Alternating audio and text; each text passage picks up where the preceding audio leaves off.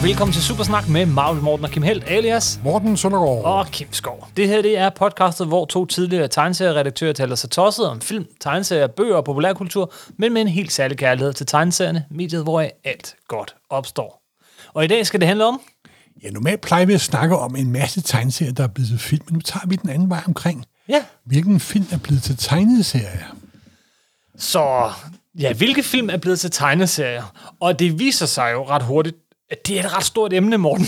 Meget, meget stort emne. Også lidt større end jeg så havde... Jeg, jeg vidste, der en masse. Men Begyndte jeg at dykke ned i det, så opdagede jeg også, at i 40'erne og 50'erne, der væltede det også frem med film, der er blevet til, til tegneserier. Jeg tror, alle er, husker det især fra deres barndom, tror jeg sikkert. Alle, det her, et, en, et hav af virkelig dårlige tegneserier, som er Nu har vi baseret jo forskellige på barndomme, film. ved du jo. Jamen også du, tror jeg. Ja, ja, men jeg har oversat mange af dem. Og du har så oversat mange af dem. Tak for at uh, ødelægge den del af min barndom, så. Øh, men altså, virkelig ringe tegneserier, som, som er baseret på film, men det var fordi, øh, ja, der gik, enten gik der lang tid til, man kunne få dem på VHS, eller også så var det før, der var VHS. Så det var ligesom for mange, på mange måder, måden at genopleve en film, det var at have den som tegneserie. Ja, og det var også det, der var tanken bag dem. Og det var også noget, der, det var også en af grunden til, at de blev ved meget længere med at komme, tror jeg, og det blev en tradition, men de blev også sælger der tit. Altså mange af de her, de Der var en set. af dem, der reddede et forlag, vi holder meget af. Det var der Star nemlig. Wars var bladet, der reddede Marvel, ifølge nogen historier i hvert fald. Men skal vi ikke gå lidt tilbage i tiden? Og... Jamen, jeg synes, det vi skal i dag, det er, at vi skal, vi skal, vi skal fremhæve nogle af dem, vi elsker. Nogle af dem, vi ja. Faktisk synes er rigtig Og gode, så- og, og de findes. Og så synes jeg, vi skal prøve at udpege nogle tendenser igennem tiden. Simpelthen. Men lad os starte, hvor det begynder. Og hvor begynder det? Ja, jeg har jo prøvet at finde ud af, hvad der var den første film, der blev lavet til tegneserie. Og så vidt jeg kan se, men det er, det er ikke, der dukker garanteret en eller anden op, men ja, med den og hvad med den. Men så vidt jeg kan se, så skulle den første være fra 1938, og det er Snevide de syv små dværge. 38? 38, ja. Seriøst blev der lavet en, en, en, en tegneserie i Jamen, det er 1938? det. Jeg kan ikke komme, jeg kan se forsiden, og den hedder A Picture Book, nemlig. På, Ja. på 98 sider. Det kan om, fordi så tror jeg, tænker jeg først, kan det ikke bare være en billedbog med, med illustrationer? Men det kom der også samtidig i, 8, i 38. Så det kan være, at det er, jeg har mere ikke kunne kigge ind i den faktisk. Og hvis der er nogle øh, Disney-fans Det er der blandt vores lyttere, for med det sidder jeg at vide om den, der kom i 1938, der var en 96-siders picture book, om det faktisk var en tegneserie, eller var delvis tegneserie baseret på filmen. Fordi filmen kom så som tegneserie i 1942, 43. Ja, hvilket også er meget tidligt. Ja, og det er i en øh, serie, som der, en, øh, en udgiver, der er enormt meget domineret af tegneserien i 40'erne og 50'erne, som vi faktisk aldrig har snakket om før. Nej, det er alligevel vildt. Ja, netop, det er dem, der hedder Dell. Vi har nævnt det meget kort faktisk, tror jeg, i forbindelse med vores Star Trek podcasten. Nej, det er Nej, det var, det var godt. Det var, hvad hvad de blev til i 60'erne. Yes. De blev splittet op i, i med Whitman og, de, og så Gold Key. Men Dell var et gigantisk stort Et foretagende. gigantisk stort forlag, og de startede i 40'erne med at lave Disney-tegneserier. Den allerførste Karl Barks tegneserie var uh, Del Four Color Comics, det hed deres serie, der indeholdt alt. Mm-hmm. Nummer 9, Pirate Gold, som den første Karl Barks, og masse af de kendte Karl Barks, som mange af vores lyttere læser og er blevet gennemtrykt mange gange, var en del af det, der hed Del Four Color Comics. Men blandt Del Four Color Comics var der også en masse western-serier, en masse, også en masse øh, tegneserier baseret på film og tv, især i 50'erne. Simpelthen. Ja, faktisk nu, og tv fylder rigtig meget. Her i vores snak i dag, så snakker vi altså først og fremmest om film, men der er især i 50'erne, men, men også langt op i 60'erne og 70'erne. Ja, men det startede virkelig, i virkelig, 50'erne. virkelig, virkelig mange tegneserier, som er baseret på tv-serier. Altså, Del Four Color Comics i 40'erne var primært andre, især Funny Animals og så videre, så videre. Ja. Og en gang imellem baseret på nogle øh, kendte film. Men så i starten af 50'erne, da tv var ved at vokse frem, så kom der også en masse øh, tegneserier baseret på tv. Men Vi det, var, havde- men, men, men det var nye historier. Det var ikke adaptions af Nej, nej, nej. Men vi havde, og det kom også i 60'erne på dansk, et, et, et hvad hedder det, Snor Snup-blad med alle Warner Brothers-figurerne. Der var Flintstones-bladet, der var alle de her ting. Men, men det er lidt noget andet, end det vi egentlig Jo, gerne men, vil snakke men, om. men det var også det, jeg vil sige, at det, der var i Del Four Color Comics, det var ikke de regulære, det var ikke Walt Disney Comics and Stories af Mickey Mouse og så videre. Det var enkelte historier, der altid var på 32 sider nemlig. Okay. Og mange af dem, især i, hal- i 50'erne, var baseret på film, der kom der. For en af de første øh, seriøse forsøg på at lave en realistisk rumfilm, øh, Destination Moon, oh, ja. kom som tegneserie i 1950-51. Mm-hmm. Og det sjove er, nu er vi får lavet et lille sidespring til en meget kendt tegneserie på dansk.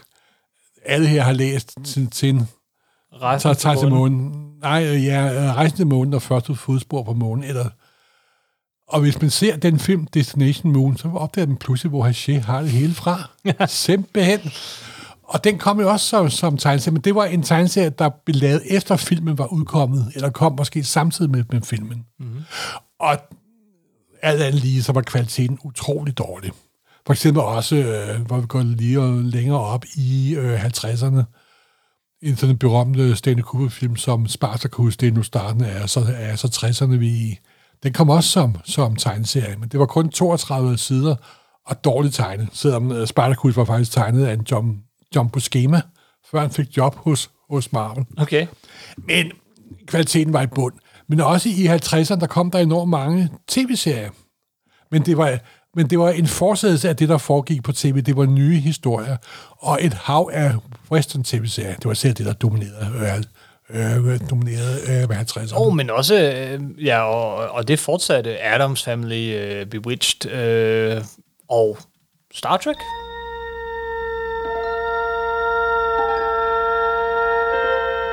Space, a final frontier.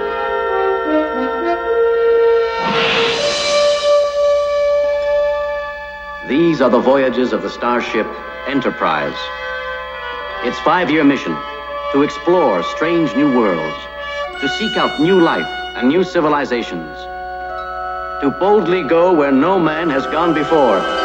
Fordi når vi så kommer til 60'erne, så øh, går Gold Key ned, der er det der store sammenbrud af amerikanske tegneserier omkring 59, 60, 61, hvor Frankrig faktisk var ved at ned, og der forsvinder Gold Key forkoldet kommer. Og så bliver det stadig det, der hedder Gold Key. Og de startede så med at lave den her australske berygtede Star, Star Trek-serie. Ja. Og hvad er historien bag den?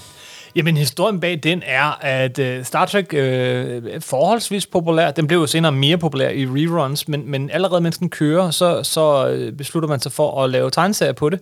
Fordi det gjorde man, som vi netop har etableret. Uh, men man kunne ikke, dengang, man kunne ikke bare sende et bånd videre. Man kunne, altså, det, du kunne heller ikke sende en stor filmspole. Så uh, man fandt en tegner, der sad i Sydamerika. Han havde jeg troede, aldrig... jeg troede, at han var italiener. Eller var han italiener? Jeg tror, det er også jeg, muligt. Jeg tror, jeg, den, den detalje husker jeg muligvis forkert, men i hvert fald, så fik han bare nogle sort-hvide billeder af skuespillerne. Øh, fattede ikke helt det der med de spise ører på Spock og sådan noget, og han, der var også nogle skuespillere, han ikke havde. Han havde faktisk meget fattigt billedmateriale at gå ud fra, og så har han siddet og tegnet.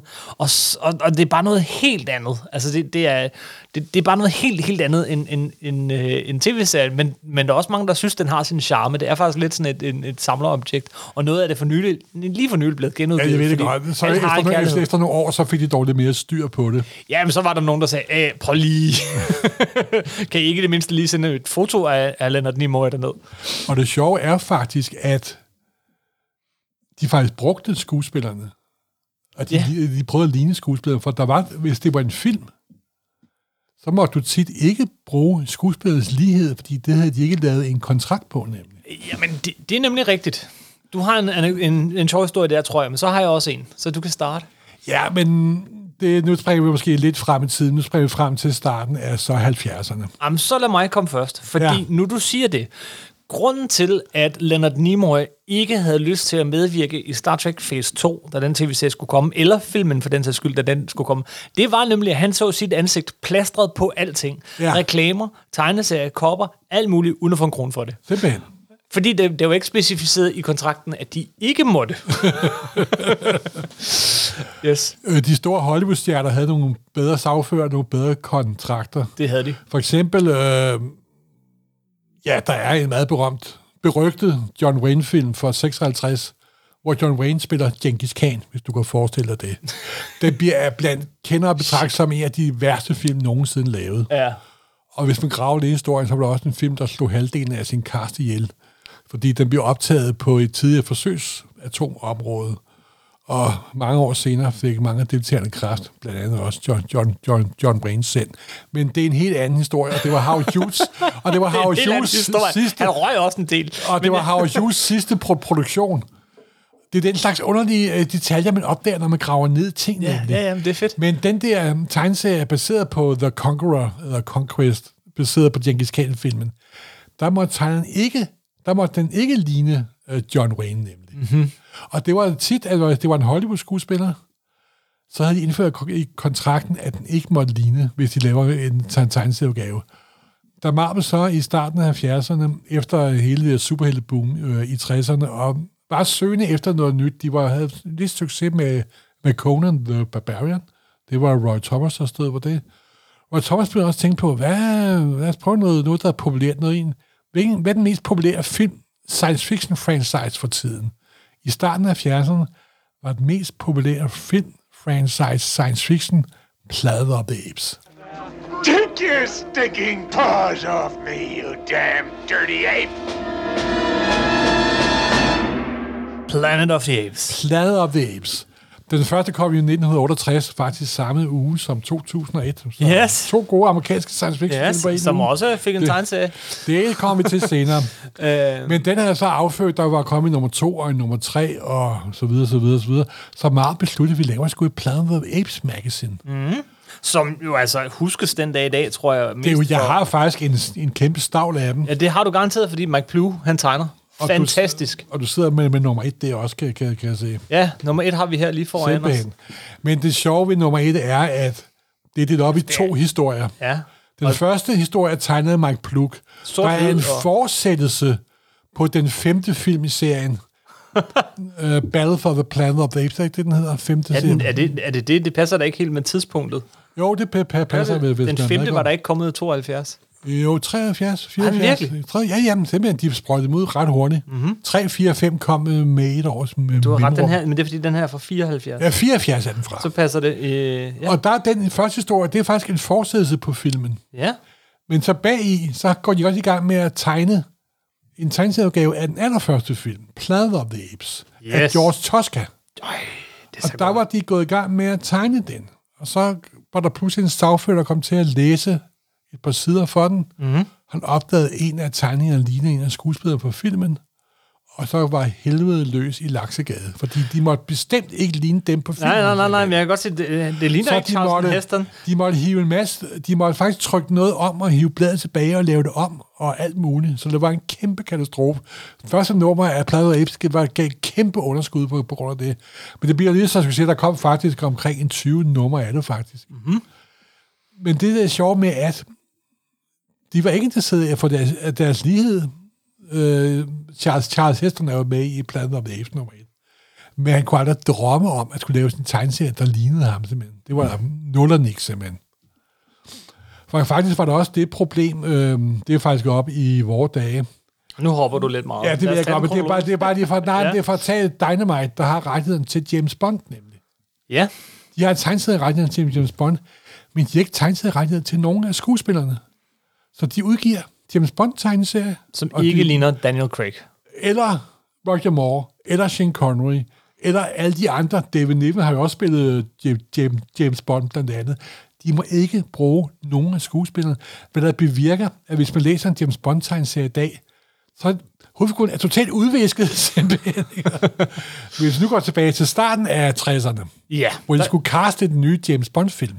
Så kunne det være, at de har skilet lidt til, til avisstriberne. Netop. Kunne man i hvert fald godt mistænke. Fordi, fordi den startede en 3-4 år før i England som avisstrip, og var ret po- populær. Og var meget populær. Og hvis du kigger på, hvordan James Bond er tegnet i avisstriberne, og hvordan Sean Connery ser ud, så kan man godt få den tanke, at de her, vi må skulle prøve at kaste en, der ligner lidt ham for avistegneserien. Yes, yes. Og så senere, da uh, Sean Connery dukkede op, så begyndte tegningerne jo mere og mere at ligne Sean Connery. Ikke? Yes. Men de gjorde det aldrig helt, fordi de havde ikke ret til det nemlig. Nej.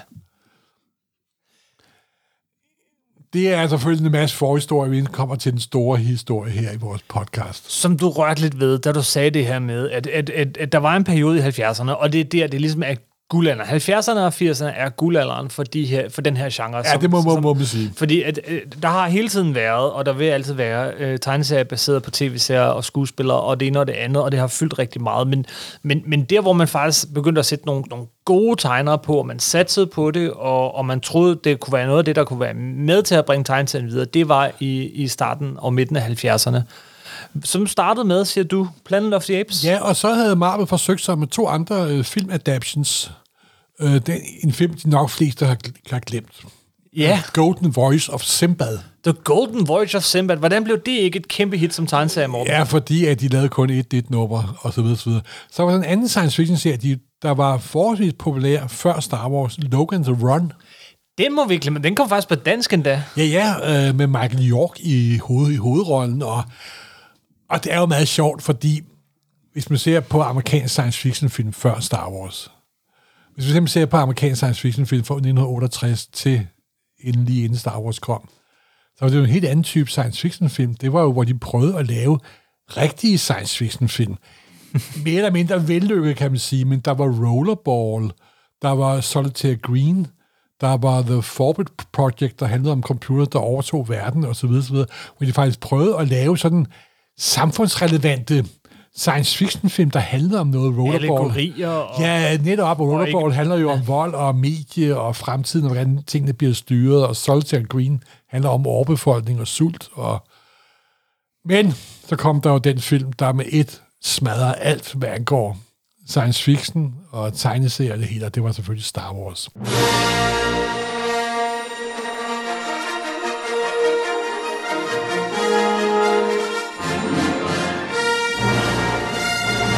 Men hvordan kom Star Wars-tegneserien ind i Marvel-universet? Hvordan blev den lavet af Marvel? Det er jo en lidt lang historie, som vi nu går i gang med. Jamen, så lad os, lad os, må jeg høre, Morten. Ja, det starter med en middag i 1975 i New York, hvor øh, Roy Thomas og hans daværende kæreste kone, de havde været blevet inviteret i byen af den her unge instruktør, de havde godt kendt, fordi han havde lavet American Graffiti. Mm-hmm. Og hans gode ven, der, fordi George Lucas var nemlig sådan en silent partner i en tegneseriebutik, der hed Super Snipe, der eksisterer i New York på det tidspunkt. Yes. Og George Lucas havde fået at vide, at Roy Thomas havde et baksmaleri Ja. hængende, og George Lucas var kæmpe Karl Barks-fan, også fra Cæsar-fan, fordi Roy Thomas' kone havde også, øh, kæreste kone, havde et Frank von Cæsar-maleri hængende i, i deres fælles lejlighed, fælles lejlighed. Det der baksmaleri var faktisk et, som øh, Roy Thomas havde købt af Karl Barks i 71-72 for 250 dollar. Ja. ja, det var, det var tider dengang.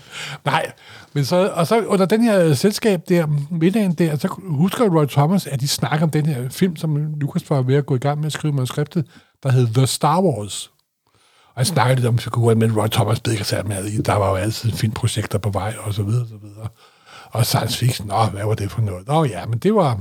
Og der var også en, sådan en af Lukas medarbejdere med, der sådan var kontakten til, til andre medier. De kom så hjem og så Karl Bachs billeder, og de sagde farvel og god aften og bla bla bla. Så året senere bliver Roy Thomas kontaktet af ham der øh, PR-medarbejderen, der var med til middagen. Nu var filmplanerne ret langt fremskredende med hensyn til The Star Wars. Og ikke det var en fed idé, hvis Marvel lavede en tegneserie baseret på den her, der kunne komme et par måneder før en slags forreklame til filmen. For at så havde en chance for, at folk gik ind og så filmen. Fordi der var ikke rigtig mange særligt, der, der, der, der stolede på det her filmprojekt, som ham der, der jo faktisk havde lavet øh, American Graffiti, der var blevet af de mest indtjenende film nogensinde. Men den her sindssyge idé med den her Flash Gordon-agtige øh, rumfilm, hvad fanden var det for noget? Og det går sgu aldrig sådan noget. Og der er noget med en bjørn, der render rundt, og, og så er der nogle, nogle, nogle, nogle svær, og det foregår i ørken, og optagelser var gået af helvede til for øvrigt, og spændeffekt, det bliver sgu, det bliver sgu aldrig til noget. Så de var lidt nervøse. Så han prøvede at få øh, øh, Roy Thomas, kunne du ikke overtage Stan Lee til, at vi skal gøre, Marvel skal, skal i den her? Ah, ah. Roy Thomas var på et tidspunkt slået op med sin daværende kæreste, og var ved at flytte til Los Angeles, for at starte lidt en ny karriere, hvor han også blev interesseret i, i, i, at- i at skrive film og Nå, men jeg kan da godt prøve at spørge Stan og så videre og så videre. Men så under det her øh, møde, så hiver ham der, øh, PR-medarbejderen, nogle af Frank McQuires Ja. produktionstegninger frem. Yes, de der mega And flotte, that kendte. do the trick, nemlig. That did the trick. Fordi øh, man kan sige meget om Star Wars-filmen, når den har mange fædre. Især George Lucas, der selvfølgelig har skabt filmen. Men Frank McQuarrie's, uh, McQuarrie, Frank McQuarrie. McQuarrie's produktionstegninger, det er stadig en kernepunkt, hvor det alt sammen drejer sig med. Mm-hmm. De er fantastiske. Det var dem, der gjorde, at Star Wars Ja. blev, og det var det Ja. samme, det er den samme historie, de der han er pitchede fanta- filmen. Ja, ja, simpelthen. De- de- og de er fantastiske den dag i dag. Men der så uh, uh, Roy Thomas pludselig det der kantine, uh, en tidlig skisse til, hvordan kantinescenen skulle være. Mm, og lysvær og det Og hele. så sagde han, jamen det er jo slet ikke science fiction, I vil lave. Det er jo space opera for helvede. Det er jo eventyr. ja, ja, jamen, det er jo det, jeg prøver at kan- sige. det kan jeg Og så fik han pludselig helt lyst til at skrive serien. Ja. Og samtidig var øh, George Lucas var jo tegneseriefan også, ikke også? Og han havde læst et par år i forvejen en serie, en af de første semi-professionelle undergrunds overgrundsserier, der hedder Star Reach nummer 1, hvor Howard Checking havde en serie, der hed Cody Starbuck. En figur, sådan en typisk Checking-figur. Checking har grundlæggende lavet samme figur hele sin kar- karriere, simpelthen. Og i den her var der sådan en slags svær ude i rummet, lidt han soda og så videre, så videre. Så han synes, uh, Lucas synes også, at det var fedt, hvis de kunne få Checking til at lave Star Wars-tegneserien. Jo, egentlig ikke sådan en, en klassisk flot tegner. Uh, Nej, men lidt mere uh, undergrund, siger. uh, slutter, uh, Lucas uh, Kunne lide ham. kunne lide ham, fordi han kendte noget til tegneserien, simpelthen. Ikke? Og så var Thomas, han fik så overtalt Stan Lee, især fordi, at aftalen var, at de skulle betale noget for at lave tegneserien. De har været Så desperate. de, de har været næppe desperate. Der var sådan, ja, det, der er begyndt at vande og skilles nemlig, ikke også? Fordi hvem sagde hvad først, og så videre, og så videre. Det er noget med, at de først skulle begynde at betale penge efter nummer 4, og kun hvis de var trykt over 100.000 eksemplarer, og bla bla bla. Ja, ja. Om den aftale så i virkeligheden fandtes, det må Gud at vide. Men alle ved jo også for eksempel dem, der lavede aftale med legetøjet, der jo først kom året efter, at Star Wars havde premiere. De fik også en enormt god deal i starten. Senere blev det en meget hårdere deal. Yes. He kept altering the deal. Yes. ved jo. Men så gik jo Roy Thomas og Howard Checking i gang med at lave den her øh, Star Wars tegneserie. Og til San Diego Con i 1976 om sommeren kom det første Star Wars merchandise, man nogensinde har set på den jord. Og der var der en, fik de øh, overtalt øh, Roy Thomas, der var flyttet til Kalifornien på et tidspunkt, og Howard Checking, til at lave sådan en lille seance under San Diego. Og det var første gang, at San Diego i 1976 havde en panel, hvor de programmerede en film, der ikke var kommet endnu. Det, det, Senere er det Senere jo gået det hen og blevet hele konden jo, ikke også? Men det var aller, aller første gang, at der var en film, der prøvede at programmere sig selv gennem San Diego. Mm-hmm. Og det bestod af Roy Thomas og Howard Checking. Howard Checking havde tegnet en plakat, der senere blev forsiden til Star Wars nummer 1, som de solgte for 1 dollar. og da der ikke var, og, det og da den ikke blev udsolgt, forærede de resten væk. ja. Og de havde alle sammen en Star Wars t-shirt på. The first fucking ever Star Wars t-shirt. Ikke den sidste, men den første, simpelthen. Så det var... Og uh, Mark Hamill mødte, mødte også op. Fordi han var en også super tegneseriefan. ja, han er hængt ved. Faktisk, for, da jeg på et senere tidspunkt spiste frokost med Roy Thomas, blev han ved med at stige på ham. Jamen, Jeg har jo læst din tegneserie hele livet, og du ser jo stadig ung ud, simpelthen. Roy Thomas så nemlig ret ung ud, på trods af, at han var 36-37 år på et tidspunkt. Så det er meget sjovt, at Star Wars det havde meget spæde rødder.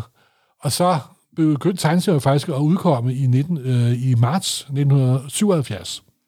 Inden da var der faktisk også kommet en romanudgave i oktober 76 Ja. som jeg læste reddet dengang, og det var da, ah, det var da okay. Og inden da var der også uh, Steranko, den berømte Marvel-tegner, havde, var så var op med at lave tegneserier, havde lavet sin mediemagasin. Og i medicin kom også den første omtale af Star Wars med billeder og så videre, så videre. Men så begyndte tegneserien at komme et par måneder før, med et par måneder før filmen havde premiere, Star Wars premiere. Og det var da meget god, den solgte okay. Og på det tidspunkt havde Marvel forholdsvis store økonomiske problemer. Men så kom det begivenhed, der forandrede alt. Så havde Star Wars jo premiere. Og til alles forbløvelse, ikke mindst George Lucas, så gik det jo hen og blive the greatest fucking movie ever, simpelthen, ikke? Og den Star Wars tegneserie der, er så nok den Marvel-tegneserie, som er blevet trygt og gentrykt flest gange nogensinde. Ja, selvom de godt nok har trykt uh, Amazing Fantasy 15 mange gange, og Fantastic Four nummer 1 mange gange. Og, Ja, men- Men det kan altså ikke måle sig det gange, de har trykt Star Wars nummer 1. Fordi pludselig begyndte det jo at sælges som varmt brød, simpelthen. Ikke? Og det sjove er, fordi de første seks numre af Star Wars-tegneserien, der kom en gang om måneden, dækkede filmen. Ja. Og hvis man ser den i dag med moderne briller, så er det ikke nogen særlig sådan flot tegneserie. Nej, Fordi Howard Chaykin tegnede nummer et, og så opdagede han pludselig, at han ikke havde særlig meget tid. Og, og så, så lavede han layout for nummer to til nummer 5-6 stykker, Ja. og fik uh, Steve Leolaia blandt andet til at fylde på, og så videre, og så videre. Og det var hurtigt lavet, plus de jo ikke havde set filmen. også det, ja. Eller rettere sagt, fordi Roy Thomas og Howard Chaykin var med til den første, øh, en af de første visninger af Star Wars hjemme hos Lucas, da den ikke var helt færdig endnu simpelthen. Så Roy Thomas har været med hele, hele, hele vejen, må, må man sige. En af de sjove ting ved den tegneserie er jo så, som, som læser den også kommer på dansk øh, to gange mindst. Ej, mindst. Nej, jeg tror kun to gange. At, øh, at der er scener med, som ikke er med i filmen. Øh, ja, vi møder fordi, øh, Roy Biggs, Thomas- og, og, og, og, og, vi møder, og, og Han Solo møder Jabba the Hutt, og den kom så med igen senere.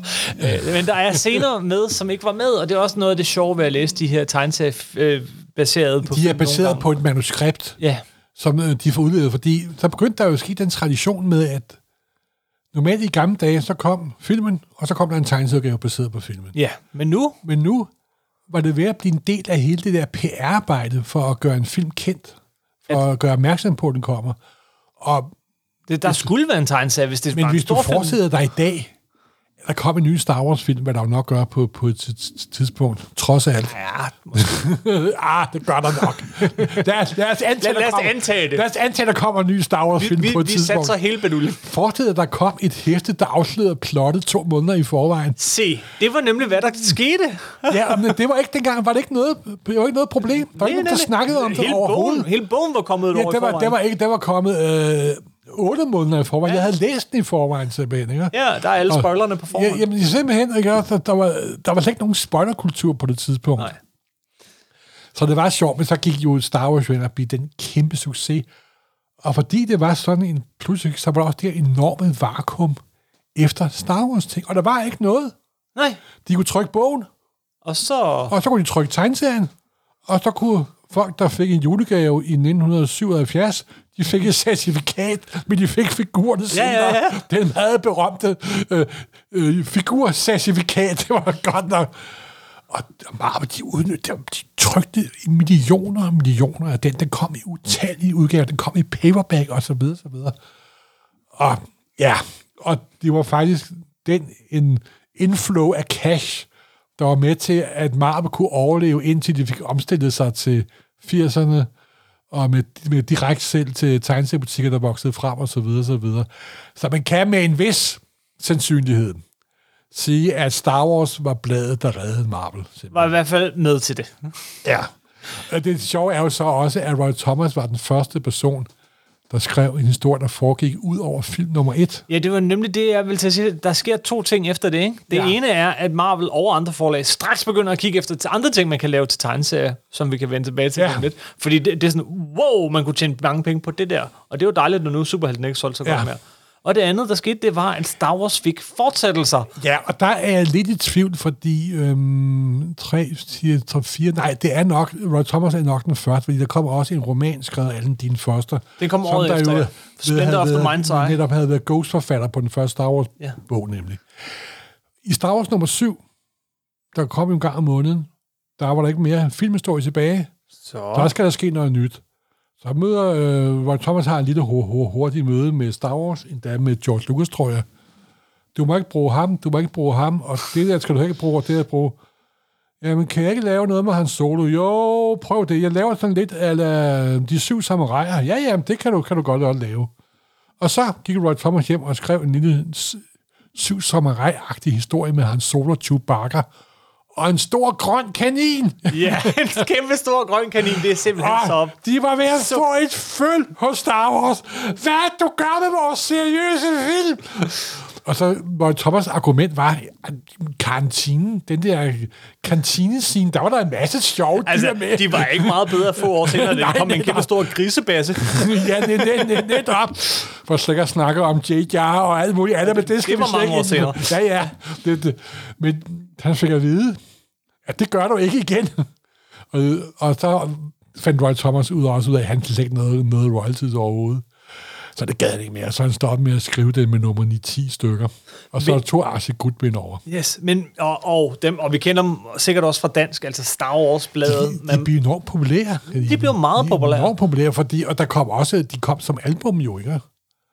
Øh, filmene kom som album, og så kom der nogle, nogle enkelte albums, men mest så kom der også Star Wars-bladet, Ja. ja. øh, med historie af, af, hvad sagde du? Øh, Archie Goodwin. Archie Goodwin, ja. Øh, Faktisk, øh, Marvel havde jo øh, rettigheden til Star Wars. De lavede 112 numre, var det ikke det, de lavede? Jo. Plus et par års efter. Og der kom cirka 30 hæfter på dansk med dobbelt nummer Men i, så ikke? gik der jo nogle år, og så kom der jo en anden Star Wars-film, den der hed Empire Strikes Back, Ja, toeren. hvad skete der så? Eller øh, femeren, eller anden, nummer 3, 3, det, er- det er et andet podcast. ja. Nej, undskyld, der kom Empire Strikes Back. Og det er jo en... Der er vel ikke mange Star Wars-fans, der er tvivl om, at det nok er den be- bedste af alle. Og i den er der jo en stor overraskelse. Spoiler alert! I am your father, Luke! Ja. Der var filmen Store Klug, det der chokerede alle.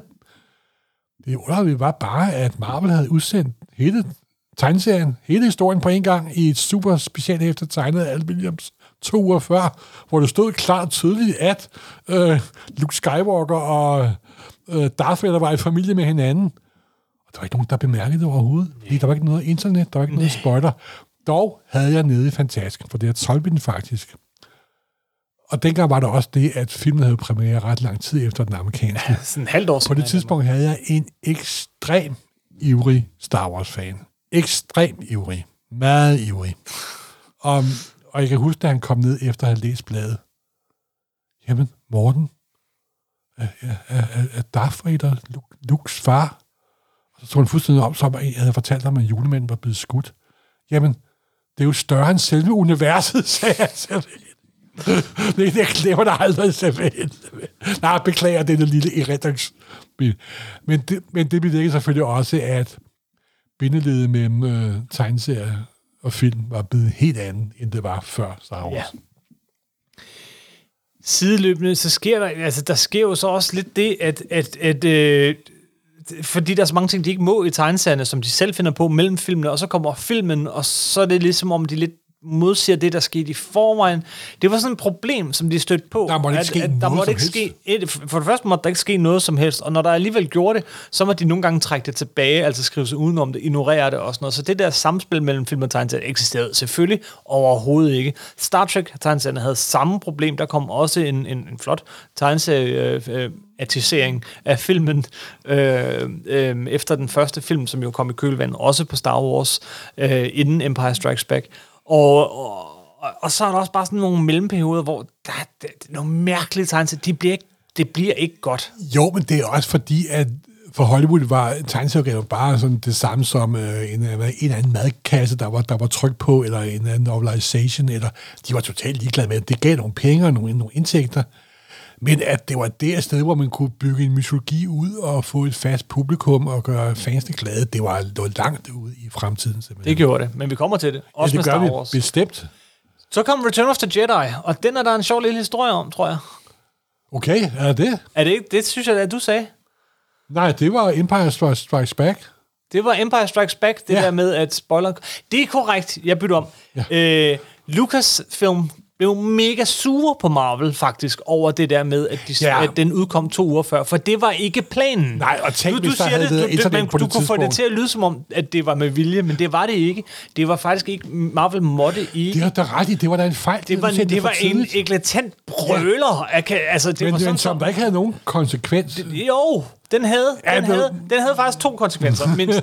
altså for det første, så var de, de var mega, mega sure, og i tvivl om Marvel også skulle fortsætte med at gøre det her. Men de fik jo lov at lave Return ja. of the Jedi. Det var før enormt flot tegnet af Al Williamson. Yes, Det yes, sige. yes, yes. Men, men, men de blev sure over, at den her hemmelighed, som man havde gået, og, og altså, man havde, jo, man havde jo ikke engang fortalt det til skuespillerne, undtagen Nej. øh, den ene, da de optog scenen. og stakkels Det David var- Prowse, der jo lige er død, det, sagde noget helt andet under optagelsen ja. af filmen. Det, det var en kæmpe hemmelighed, Morten, men Marvel var lige ved at ødelægge den. Heldigvis var der ikke noget internet. Så nu, Nej. nu blev din historie lige lidt bedre. Ja, okay, det havde da fuldstændig svidt ud. Det havde da fuldstændig Det er en anden konsekvens, det ved jeg ikke, om du ved, det var, at i mellemtiden, så var der jo kommet en anden Lucas-franchise.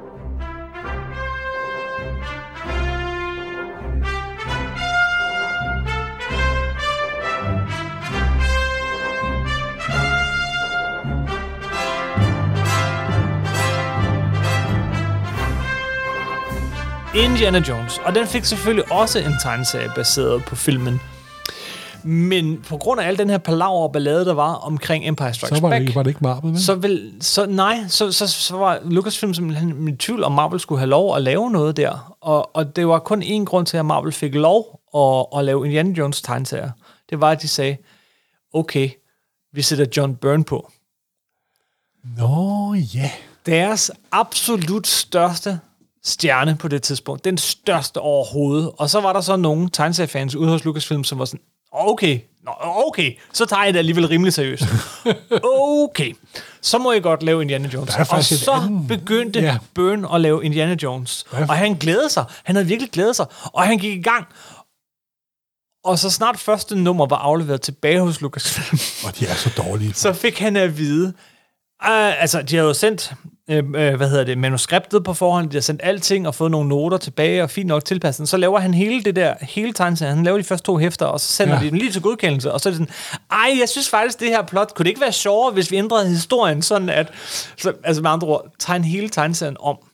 Ja, på et par uger, inden den skulle ja udkomme. og den er desværre derefter. Og, og, og Byrne, han blev så sur. Jamen, det, så, det, det kan jeg godt forstå. så her. han havde allerede planlagt en hel masse hæfter. Han skrottede det hele. Ja. Han ville ikke fortsætte. Så tegneserien fortsat. Ja. Men det blev uden John Byrne. Ja, og selvom John Byrne var eneste grund til, at tegneserien fik lov at eksistere.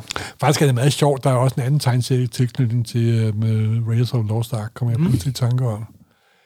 At de tidlige produktionstegninger var lavet af Storenko, Det er rigtigt. faktisk. Ja. Og dengang... Øh, Til filmen. Altså, Til filmen. Ja. ja. Og øh, dengang var det var det ikke Harrison Ford, som produktionstegner lignede, men ham, som de mente, der skulle spille rollen. ja. Hvad hedder han nu? Ham, der... Øh, Som Wallace. Uh, Tom, uh, åh, ham der... Øh, Tom Selleck. Tom Selleck, ja. Ja. Og det er Tom Selleck, der er på produktionstegningerne. Magnum P.I. Ja, Magnum P.I. nemlig, og det var kun, fordi han ikke kunne blive fri fra tv-serien.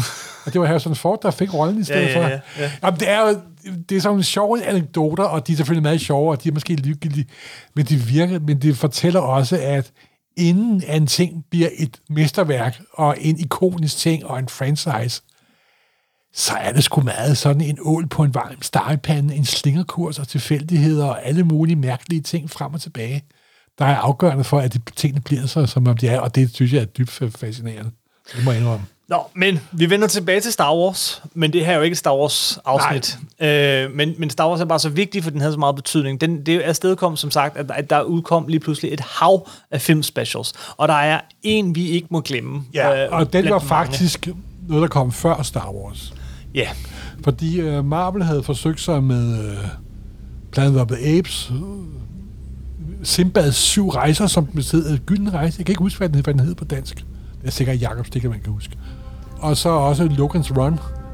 Men så fik de jo Jack Kirby tilbage i 75. yes. Og så satte de ham til at lave 2001. –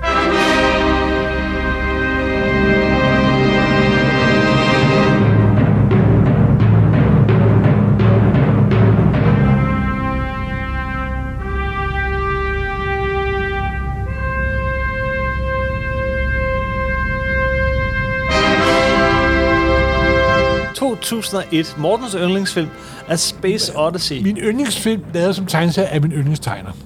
Og hvis der er nogen, der er forskellige i den her... Det er, Univers. I, for jeg arbejder faktisk på en podcast, der hedder Kirby og Kubrick. For det er to, Nå, det gør du. det er to amerikanere, begge to født i New York, Men de er forskellige som dag og nat, simpelthen. Fuldstændig forskellige. Og jeg er sikker på, at hvis Kubrick nogensinde havde set den tegneserie, så ville han ikke have brudt, brudt, sig om. Men den er faktisk ret fantastisk. Vildt flot. Den er vildt flot. Det er faktisk også en af de få øh, med Kirby-tegneserier, hvor han er med til at farvelægge den. Nå. Men det bevirkede også, at de lavede en fortsættelse på 2001. Der er noget af det mest besønderlige og underlige Marvel og Kirby nogensinde har udgivet. Det er sådan, hvor monolitten bliver en person, der rejser i tid og rum, og, Ved du hvad? og den gemmer vi til en anden på, på Det podcast. tror jeg, vi skal. Den bliver vi simpelthen nødt til at rigtig Ja. gå i dybden med, Jamen, det har jeg den også er fantastisk, og. Machine Man og det alt det er endnu der. en af de podcasts, vi har lovet vores, vores, vores lyttere. Den når vi til en dag. Den, Ja. den, den, den bliver specifik. Ja. Så der er jo en film-franchise, som jeg pludselig kom i tanke om, der jo virkelig har domineret. Ja. I en kort periode, der invaderede den hele Marvel-universet. I to år invaderede den Marvel-universet. Hvad er det, du tænker på? Og det er selvfølgelig den store grønne fireben. Ah, Japan. Godzilla, eller Godzilla, eller Godzilla, som vi siger her i Vesten. Godzilla, eller på japansk, Godzilla. Godzilla! This is Tokyo, once a city of six million people. What has happened here was caused by a force which, up until a few days ago, was entirely beyond the scope of man's imagination. Jeg har aldrig kunnet udtale det ordentligt. Du er bedre til at udtale japansk, end jeg er. Nej, Godzilla er selvfølgelig i samme familie som King Kong, og 20.000 Legions from the Sea, som den der Ray Batman hed, der kom i starten af 50'erne. Ja, Så rigtig ikke- monster. Men det er jo fascinerende, at det eneste land i verden, der har været udsat for atomangreb af civilbefolkningen, de 54 laver en film om et kæmpe radioaktiv uhyre, der smadrer byerne. Men det, Og, det, og første film er en ret fantastisk film, faktisk. jeg er ret vild med den første. Så kom der jo en masse andre, i, og der kom der en hav af Godzilla-film, og meget kan man sige om Godzilla-film, men de er kraftigt med charme. Yes. Og den første øh, klump af Godzilla-film, tror jeg hedder Shoan-perioden, de opkalder den nemlig efter den kejser, som der herskede på det tidspunkt. Yes. Og den er fra 54 til 75. Men lige derefter, der dukkede Godzilla pludselig op i øh, Marvel-universet. Det er sjovt, ikke? Det er mange år efter, den debuterer, men, men lige pludselig... Pludselig, og det er fungeret, der kom 24 hæfter, tegnet af øh, Primp, skrevet af Don Munch. Det er jo... Øh, Og det der er det jo sjovt med A-holdet. Marvel. Jeg ved ikke, om det er A-holdet, men det er i hvert fald et godt B-hold. Ah, på det tidspunkt. Ja, Og rimelig det op. sjove er med Marvel, når de så tager en franchise ind, som de ikke har copyright på, Ja. så, så det er ikke sådan, at de, åh, vi må passe lidt, de inkorporerede den fuldstændig. Der kom 24 numre, kørte over to år, og den startede med at dukke op i en isklump i, um, på, på, på Nordpolen, der var det Sydpolen, det kan jeg da huske. Og også, hvad gør et hvert reaktivt øh, øh, kæmpe grønt uhyre til at følge straks kursen mod New York. ja. øh, Eller København. Eller København. Ej, der, så hedder man en reptilikus. Det er det, man gør. Og Dirk Passer synger Tivoli Boogie Woogie. Men det er en helt anden historie. Reptilikus. Ja, nej, nej, det var Tivoli Boogie Woogie. Ja, begge to. for to. film. Nå, undskyld. Nå, ja. Men pointen var... Pointen var, at Toho, de havde uh, licensed Godzilla til Marvel-verset i to år. Ja. Og der kom der faktisk en meget sjov 24-nummers historie ud af, hvor Godzilla blev totalt inkorporeret. Han mødte Devil Dinosaurs, Ja.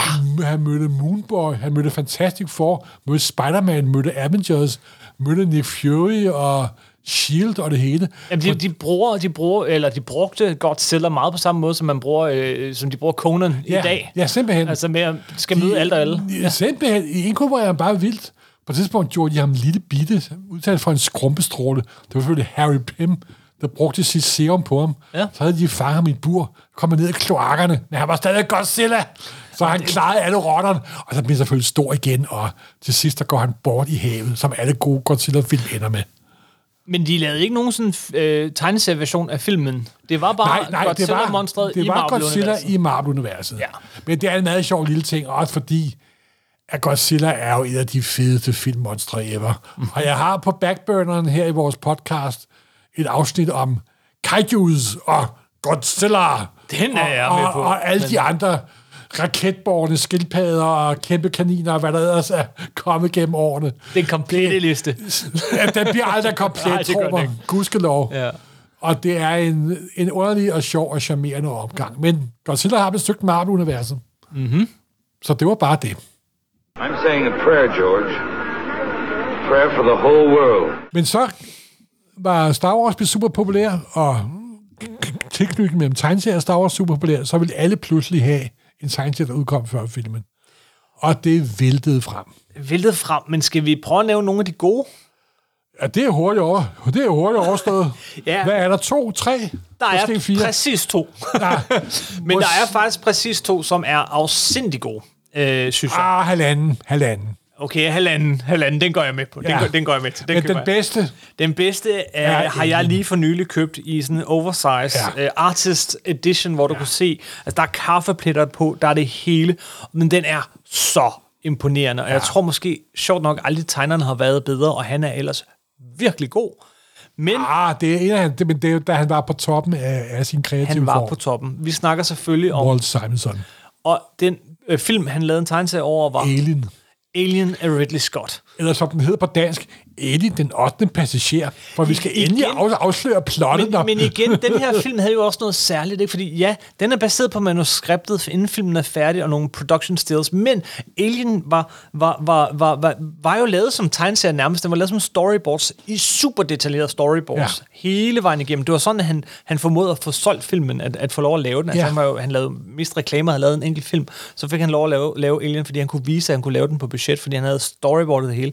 Så, så der har været... det, øh, det er Ridley Scott, vi snakker om. Ja, så der har været en hel masse øh, for tegneren øh, at, at, at, at tage udgangspunkt i, men den er simpelthen så flot. Plus også, at måde produktionsdesignet var jo lavet af som Möbius, og, Øh, Geiger. og så Geiger især med uhyre og så videre. Ja. Men, men rumdragterne var jo øh, lavet af som Möbius jo. Det kan godt være. Ja. Men, men i hvert fald, øh, der, der var noget. Men jeg tror også, at Walt Simonson har set, der er en instruktør, der virkelig er, kan han, øh, Ridley Scott kan selv tegne sig, men han er grafisk designer, mm-hmm. især også. Han har set, der har været Geiger på, der har været Möbius og så videre, så videre. Plus, at det var baseret på en gammel øh, science fiction historie af Van Vogt i, i, i, i virkeligheden. Men der, Ja. Så Simonson har sagt, jeg tror, jeg skulle gøre mig umage her. En af de ting, der tit gør øh, tegneserier baseret på film lidt dårlige, er, at de, Meget dårlige. øh, er, er, er de øh, dels er begrænset. Altså, de, de, der er simpelthen der er færre sider, end, end der er minu- minutter Ja. til at fortælle filmen, så, så de skal kondensere historien ret stramt. Derefter, så, så har de det med at, øh, at sammenligne, eller, eller gå gøre ligesom øh, filmstrimlen. Hvert billede er lige stort. Det handler om at få så mange billeder som Ja, overhovedet ja, muligt med ja. på siden, sådan så vi kan nå at fortælle hele filmen på kort tid. Så der er ikke, der er ikke øh, den store musik og de langsomme billeder, og det, øh, altså, der, der er ikke helt det tempo, som film over gode tegneserier har. Men det er der i den grad i Jamen, i, det er i- uden tvivl den mest vellykkede. og lige pludselig så har du bare sådan et, et opslag, to hele sider, hvor du ser rumskibet, som lige er landet, og så en enkelt replik og sådan noget. Det, det, den er nærmest musisk i sin, Ja, i sin men rytme. det er uden tvivl den bedste øh, film til tegneserier, der er lavet. og No, ikke mindst, No doubt. ikke mindst i, uh, i den der artist edition, vil jeg Ja, sige. simpelthen. Gud, har du den? Gud, det var en ej. Uh, og den er billig endda. Aha, aha. Okay. øhm, næsten op på siden af den.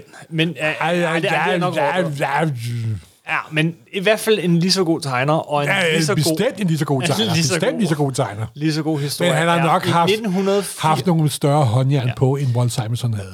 I 1984 kom Ja. ja. der en film, som man havde meget, meget store forventninger til, skulle være Ikke, Star ikke Wars. mig, redder. Dengang var jeg en sur Ja, gammel Morten, mand. det er du altid, når du ikke, når, når det handler om film.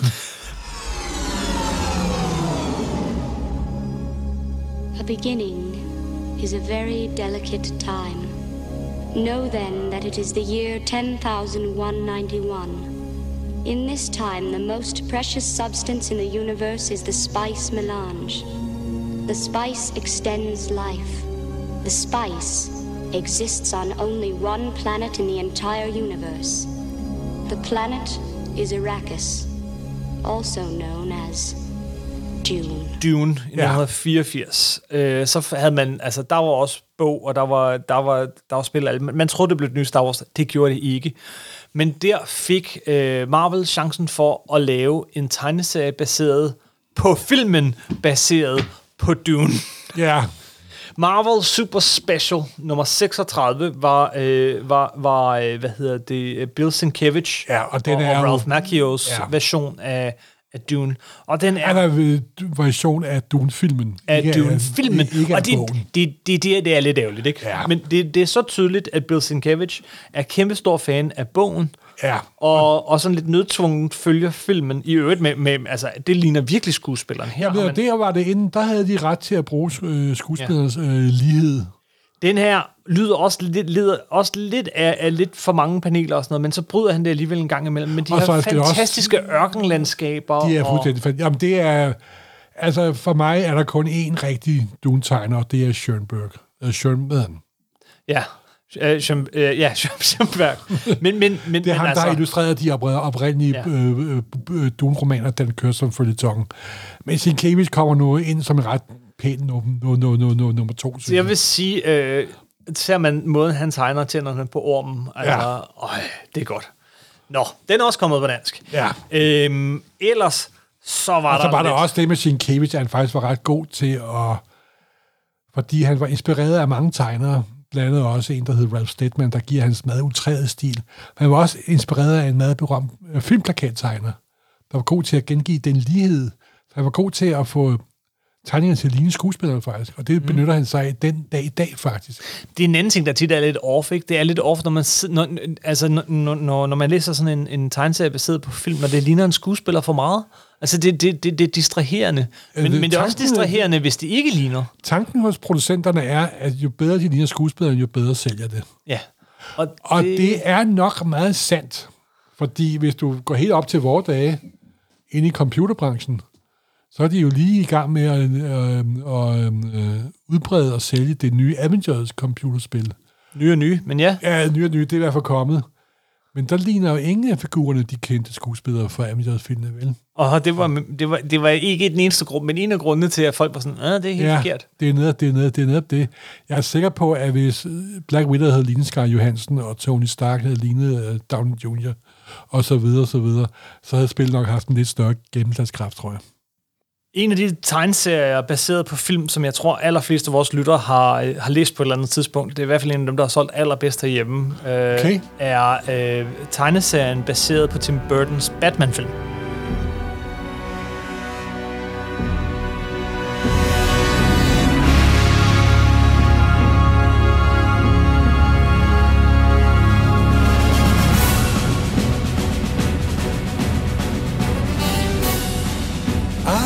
At Jerry, at Jerry Ordway, ikke? Tegnet af, af Jerry Ordway og, øh, og skrevet af Dennis O'Neill.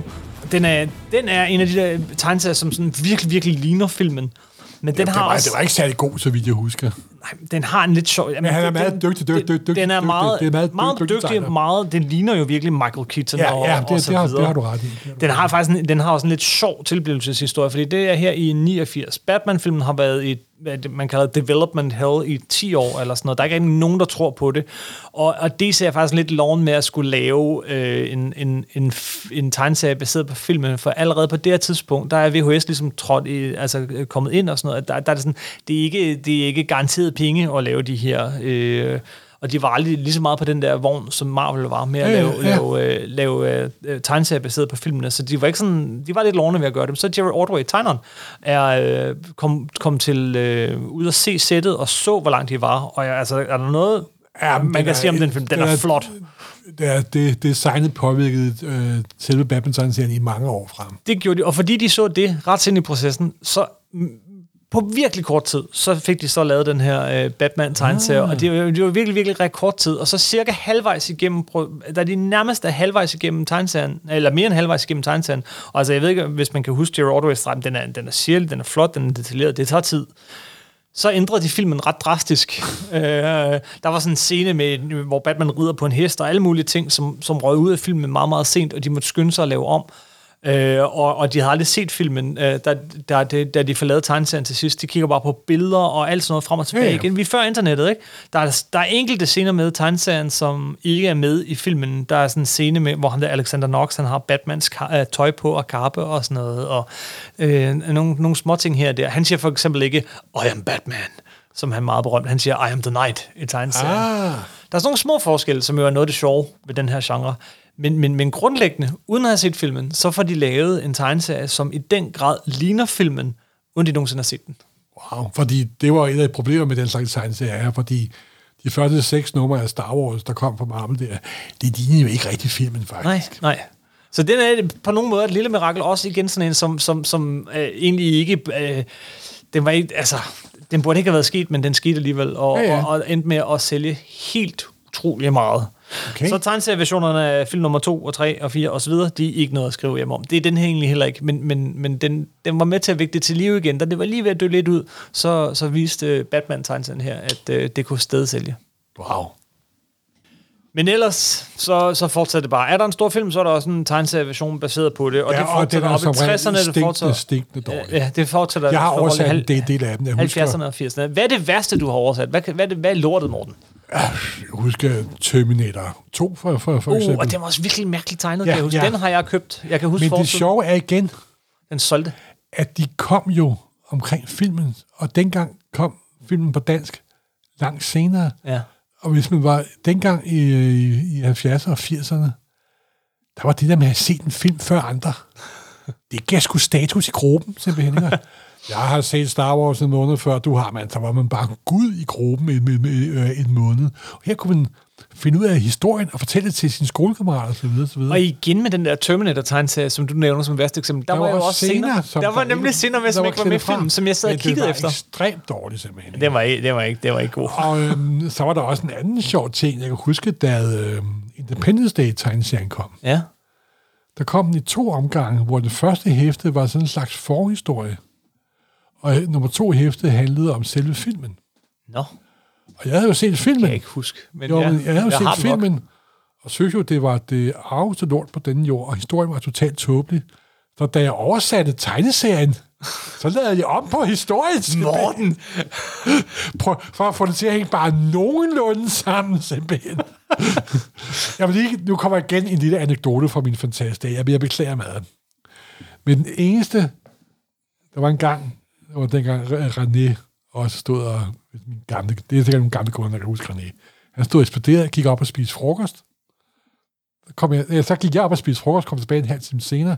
Så sagde han, Gud, de der to, der har lavet uh, Independence Day, de har lige været i, i, været i butikken.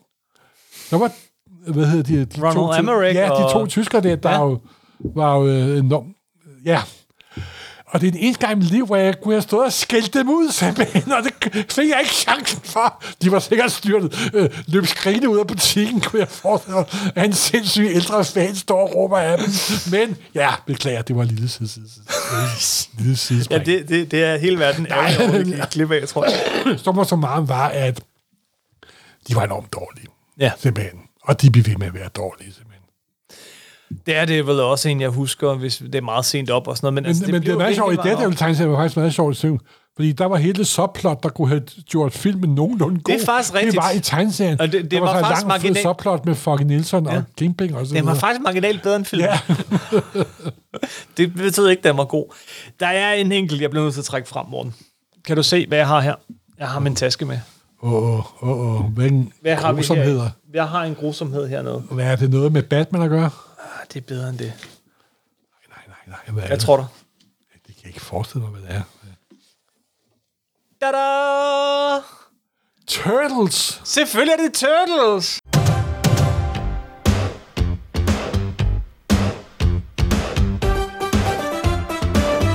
Jamen, det er der ikke. Teenage Mutant Ninja Jamen, Turtles. jamen, nu er vi Kim- op i 1990. Men Teenage Mutant Ninja Turtles De startede jo som tegneserie. startede som tegneserie. Så blev det til film. Filmen blev så til en tegneserie. Ja.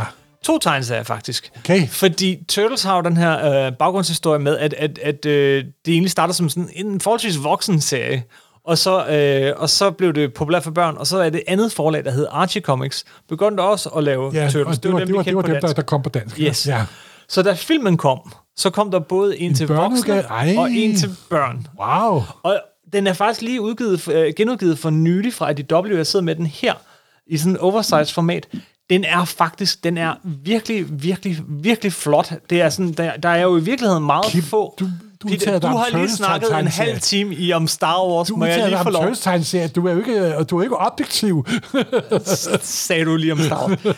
Prøv her. Der er jo i virkeligheden ret få samarbejder, øh, sådan, hvor de virkelig tegner, altså mellem, mellem Peter Laird og Kevin Eastman. Ja. Det er faktisk forholdsvis få, som har afstedkommet alt det her skønne, der er kommet. Ikke? Ja. Men det her er en af de her ting, der er kommet. Det er Nej. deres samarbejde på Wow.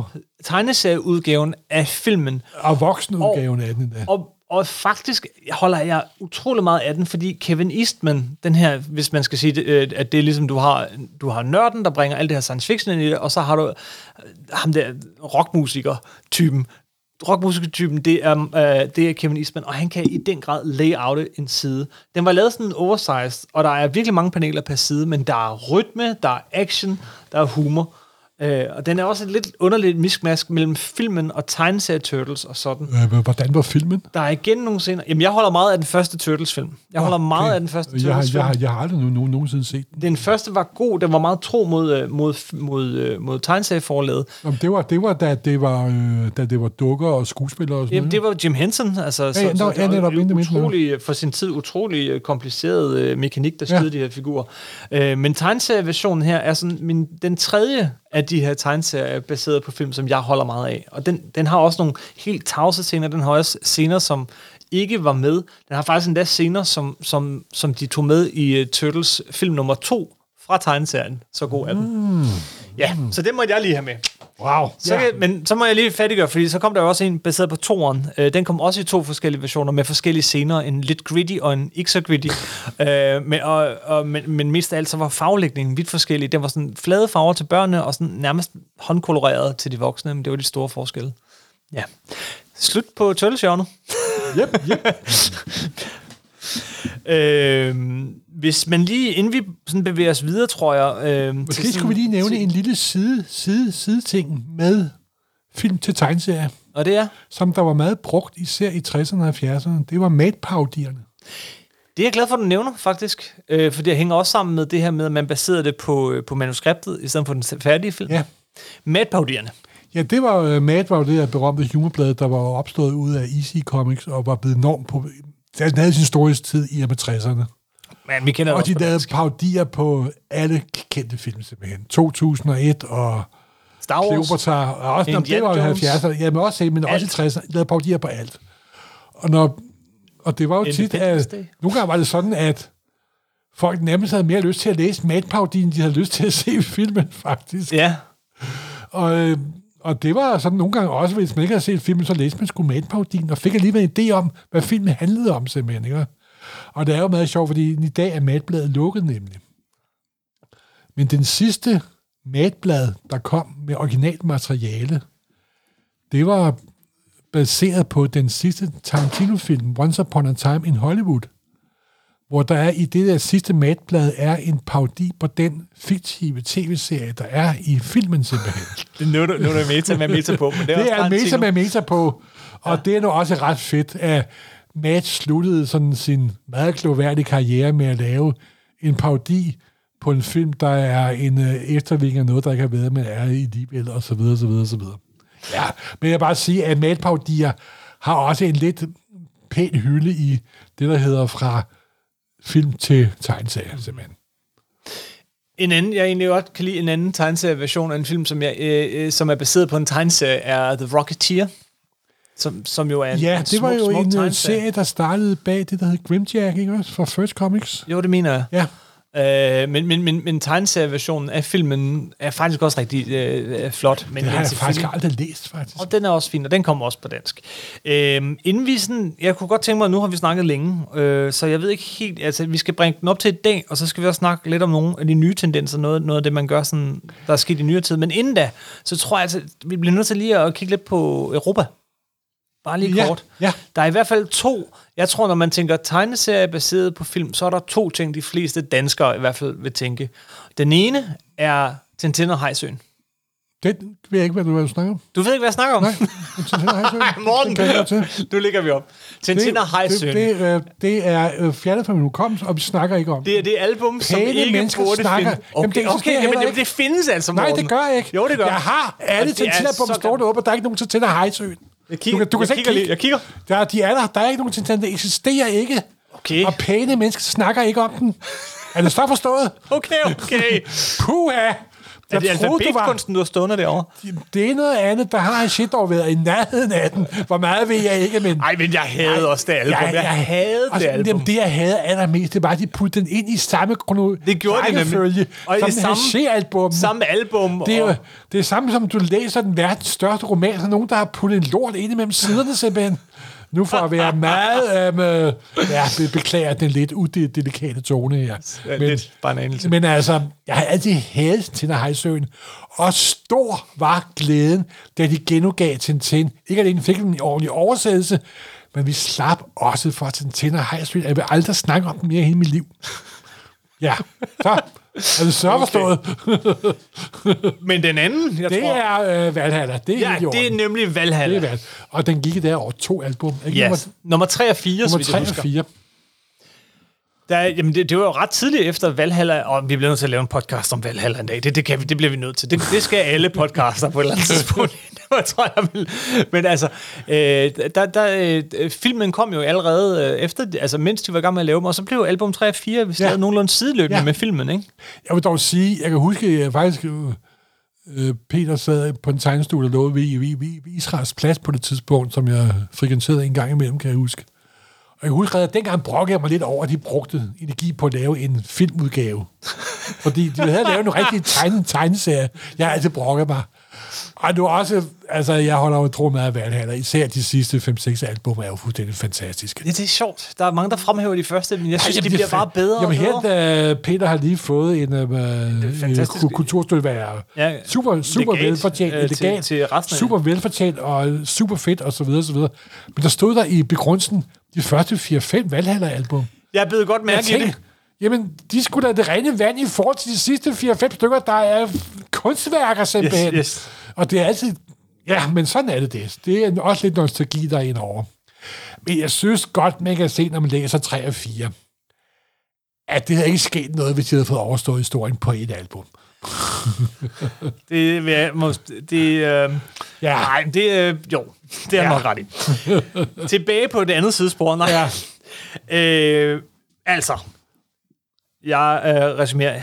60'erne har øh, altid været tegneseriefilm, men øh, tegneseriefilm har altid hængt sammen. Der kommer en hel masse. Øh, Marvel prøver kræfter med det i 70'erne. Det bliver rigtig populært. Der kommer en hel masse.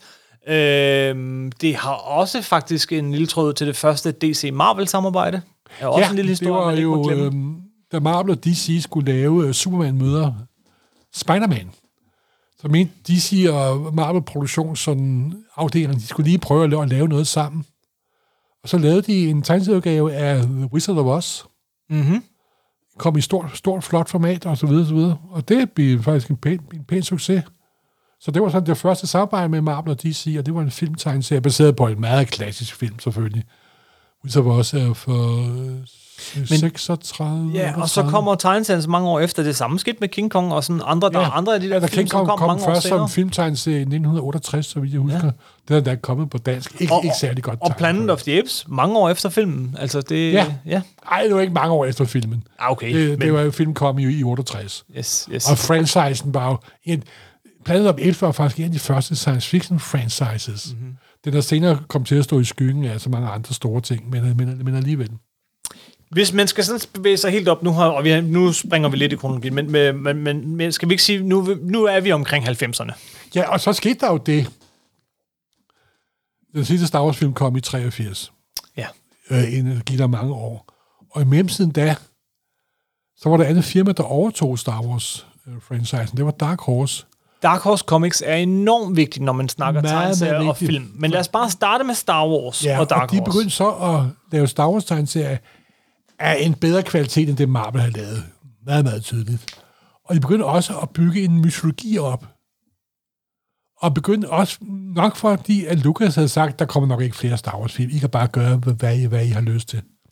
Så gik, Dag, øh, gik Dag også i gang med at bygge en helt... Øh, nok for inspiration, de har nok fået sådan nogle... Øh, øh, noget viden fra, for Lucasfilm. Jeg ved ikke hvad helt, hvad der er foregået der begyndte de at bygge deres eget Star Wars-univers op og lave historier, der foregik før og efter og under og 4.000 år tilbage, og de tidlige Jedi's og Knights of the Old. Republic, De genlevede endda Boba Fett. De hævde ham op af, Yes, yes, yes, hævde ham yes. op af hullet. Jeg har hæftet. ja, og senere er Boba Fett jo Nej, men- endnu mere berømt. Denne her mellemperiode mellem Star Wars-film var faktisk ret fantastisk, og rigtig meget af det, vi har i dag af Star Wars, skylder rigtig meget til, til, til både til bøgerne, men i den grad også til Dark Horse. de holdt liv i De de holdt- hele franchise. Ja, og de gjorde det større.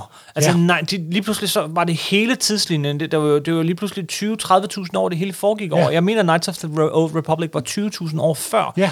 Øh, og, og, og, og ja, de ignorerede det hele her, da, de, øh, da, da, da Lucas han lavede de nye film. Og de ignorerede det endnu mere, da, da, da, øh, da, da man begyndte på de nye Star Wars film. Men på det her tidspunkt, så var der en illusion om, at det hele hang sammen, at det hele var kanon. Ja. At det hele faktisk, øh, altså at film var, skete rigtigt, tegneserierne skete rigtigt, at det hele hang sammen. Jamen faktisk Nu var der jo det sjove, at der kom jo en tegneserie, hvor Luke han blev ond, Ja, og klonkejseren og så videre, så videre, det var super øh, som populært. der var en del af kronologien, der blev faktisk omtalt i nogle af de bøger, der kom også fra Lucas. Jamen på kryds og tværs. Simpelthen, og de var ved at opbygge den her alternative nye version, som der jo så døde, da... Jeg, jeg, gen, jeg huskede lige præcis den historie der. Uh, Shadows of... Uh, nej, uh, nej, det er den anden. Uh, men, jo, Shadows of the Empire. Var Nej, det Shadows of Empire var faktisk... Nej, en det, ja, det var noget andet. Det var. Den kan vi lige vende tilbage Ja. til. Men, men, men, men den her historie, du nævner for, for nu, jeg er ked af, at jeg ikke lige kan, kan titlen øh, med Dark Empire, Ja. tror jeg, den hed. Ja. Dark Empire. Den kommer også på dansk.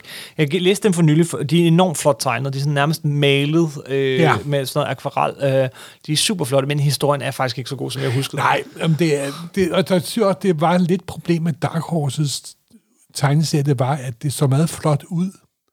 Ja. Men når man så begyndte at læse dem, så hang det ikke helt sammen. Det Nej, gjorde det altså ikke. nej, men de Der gjorde var, meget ud af- Men, men der kom af- også nogle ud af, der simpelthen lavede, David Gibbons lavede en med Darth Vader miniserie, som jeg har lavet det er rigtigt. Og så videre. så- Og, og Paul Gulaski lavede også ting til dem. De var, var enormt flot tegnet. Men prøv... Og så lavede de også vi lavede sådan en humorserie baseret på Star Wars-universet. Der kom sådan nogle små øh, antologiserier. Blandt andet lavede de en vidunderlig parodi på det produktionsmøde, der var, inden de byggede, øh, inden de byggede dødstjernen. Nej, vi har ikke råd til kalender, og der er sgu ingen, der lægger mærke til, til den der affaldsskak der, og så videre, og så videre. Så der kom også en masse gode ting under Dark Horse øh, tegneserieperiode, vil jeg lige sige. Og igen, en meget, der er mange, der skylder dem meget. Altså, øh, hele den måde, kejseren vender tilbage i øh, den sidste Star Wars-film, er taget direkte ud af, af Ja. den her saga. Øh, og, og Knights of the Old Republic blev til kanon populært computerspil Simpelthen. og Jeg har rollespil og det, det. hele.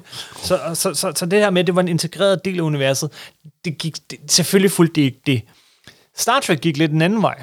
Star Trek øh, blev ved med at være populært, men aldrig, men, men de havde det problem, at, de ud, at tv-serien blev ved med at køre, og spin-offs og alt sådan noget. Men der var selvfølgelig også Star Trek tegneserier senere, når vi kommer op i 80'erne Ja. og 90'erne, fra, både fra Marvel, senere fra DC, og så tilbage. Nu for tiden er de hos IDW. Altså- Altså, men, men, men de nåede jo knap at lave... Rettigheden til Star Trek har næsten været omme på samtlige jeg forlag. tror, alle har haft rettigheden til Star Trek på et tidspunkt, og alle har haft store ambitioner, men der, der sker altid det, at de når at udgive to-tre historier, og så må de sige, oh, vent lidt, nu er vi lige blevet modsagt af det der, af- og det der over.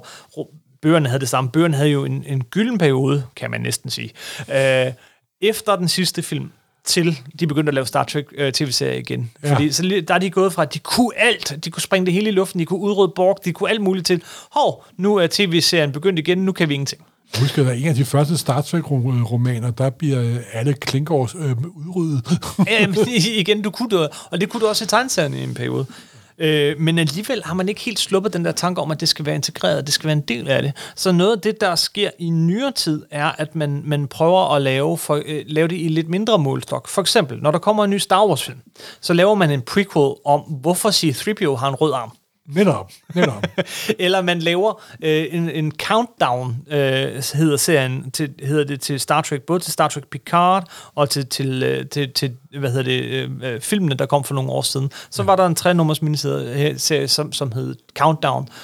Det var, den første var ret interessant, fordi den startede med øh, Picard og Data, som sidder sammen, og så slutter den, hvor at den første øh, af de her nyere film begynder. Og bandt ligesom det hele sammen, så det hele var med i kronologien. De har dog, dog den svaghed, at det er også det der med, at der ikke må ske noget. Der må ikke ske for meget, øh, og, de kaster heller ikke nødvendigvis længere de bedste tegner efter dem. Til gengæld har de solgt enormt godt fra IDW. Det har virkelig, virkelig solgt godt. Det er jo også et trick, som Marvel selv har gjort med deres MCU. Nemlig. Hvor der tit, når, når en ny MCU-film er på trapperne, hvad der er jo et stykke tid siden, Så er der en prequel. der kommer altid en, pre- en prequel, for eksempel ved prequel til Doctor Strange. En af de mest interessante er prequel til Doctor Strange, for hvad er det, der bliver afsløret af den, Morten? Der er, at skurken faktisk stammer fra Danmark. Faktisk er første billede i tegneserien, det er et billede af Nyhavn.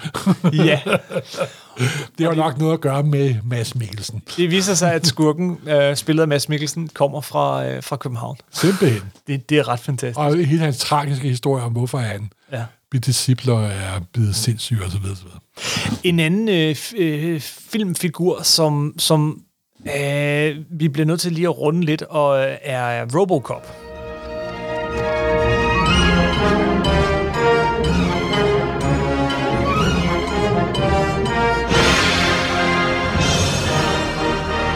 Robocop øh, udkommer også i en periode fra, fra Dark Horse, øh, men også fra en masse andre forlag. Øh, og han er også fra Marvel oprindeligt. Der kommer øh, først en, en, en tegneserieudgave af filmen og af Robocop 2. De er ikke noget at skrive hjem om. Der kommer også en, nogle af 20 numre fra Marvel, og de er heller ikke noget at skrive hjem om. Nej, nej. Der kommer faktisk stort set ikke noget godt, før Frank Miller selv skriver han havde jo skrevet manuskriptet til 203'eren, noget vi har snakket om før, og de Ja. begge gode. Og så laver han sammen med Walter Simonson den her Robocop Terminator, Simpelthen. som også er en af de virkelig, virkelig gode, men det er jo så en, en fortsættelse, kan Jamen, man det er jo sige. sådan en slags underlig hybrid, og det er også det der med, at vi skal ind på senere med at fortsætte filmen. Jamen, det er nemlig det, fordi så det seneste, de har gjort, er så, at man har lavet en fort, øh, øh, ja, ja, man fortsætter dem, men man laver nye, nye historier med Robocop og sådan noget. Vi vender tilbage til Robocop lige om lidt, fordi der er en sidste ting, men, men jeg bliver nødt til at gøre færdig, og det er øh, Alien-univers. Det er Dark Horse. Dark Horse, de laver alt muligt. Det mest populære, de laver overhovedet. By Det er far. aliens, Det er aliens. Alien, og så, så senere Alien Det var, det, vs. det, var, det Predator. var det, Dark Horse blev bygget på, simpelthen. bygget på, på uh, Alien-tegneserier, og Predator-tegneserier, og Alien vs. Predator-tegneserier, og så Alien vs. Superman, Alien vs. Batman, Alien vs. Judge Dredd, Alien vs. Nu er aliens jo et koncept, du kan putte ind praktisk talt hvor som helst. Yes. Og de puttede det ind hvor som helst. Er der ikke også en Predator møder Archie? Jo, Ja, det er godt. Men det sjove er jo, at jeg kan huske, da aliensblade begyndte at komme fra Dark Horse, tænkte jeg, ah, det, er- det bliver sgu da ikke nogen succes, og så videre, og så videre. det skal jeg love for, det gjorde. Vi kanon populære, simpelthen. Og var med til at holde franchisen i live. Det må vi be- be- bestemt sige, bestemt sige.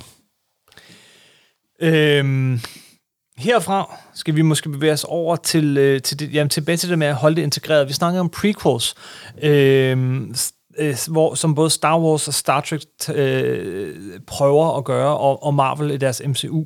Øhm, de eneste, for hvem det egentlig nogensinde rigtig er lykkes, er Babylon 5. Ja, det var vel, men det er jo fordi, der er kun en hjerne, der styrer Babylon 5. Yes. Og det er det, det kræver. Det er det, det kræver. Øh, Øh, det, der skal en Straczynski til. der var cirka 20 numre, og de hang faktisk overraskende godt sammen med, med, med tv-serien. Det var faktisk sådan så, Det var, det var, det var, historier- anden, det var anden sæson, de hang sammen. Ikke? Ja, ja, ja. Der, Ja. Var, der, der sker ting, som, som kun sker i tegneserien, som er faktisk enormt vigtige for, for resten. Ja. Øh, nogen, der tog det til, til næste skridt, var øh, Josh Whedon i, øh, i Buffy the Vampire Slayer. Ja. Nu ved jeg godt, vi snakker film, men det er Buffy. Det er, faktisk var den første Bobby-ting, det var jo en film, faktisk. Det er sandt. Den er også blevet til. TV-serien er jo en Den fortsættelse. er faktisk også blevet til tegneserie, den er ikke særlig god. Ja, med netop. det. Men det, jeg snakker om, er en, en fortsættelse. Faktisk det er en, der foregår f- 100 år ude i fremtiden. Den første. Buffy-tegneserie, det var en, der hed Frey, mm-hmm. der, øh, om en fremtidig slager, ude i fremtiden, hvor der ikke har været slager i meget lang tid, og så dukker hun og hun op igen. Og den Frey har en ting med en økse, Ja. som der er meget vigtigt for en.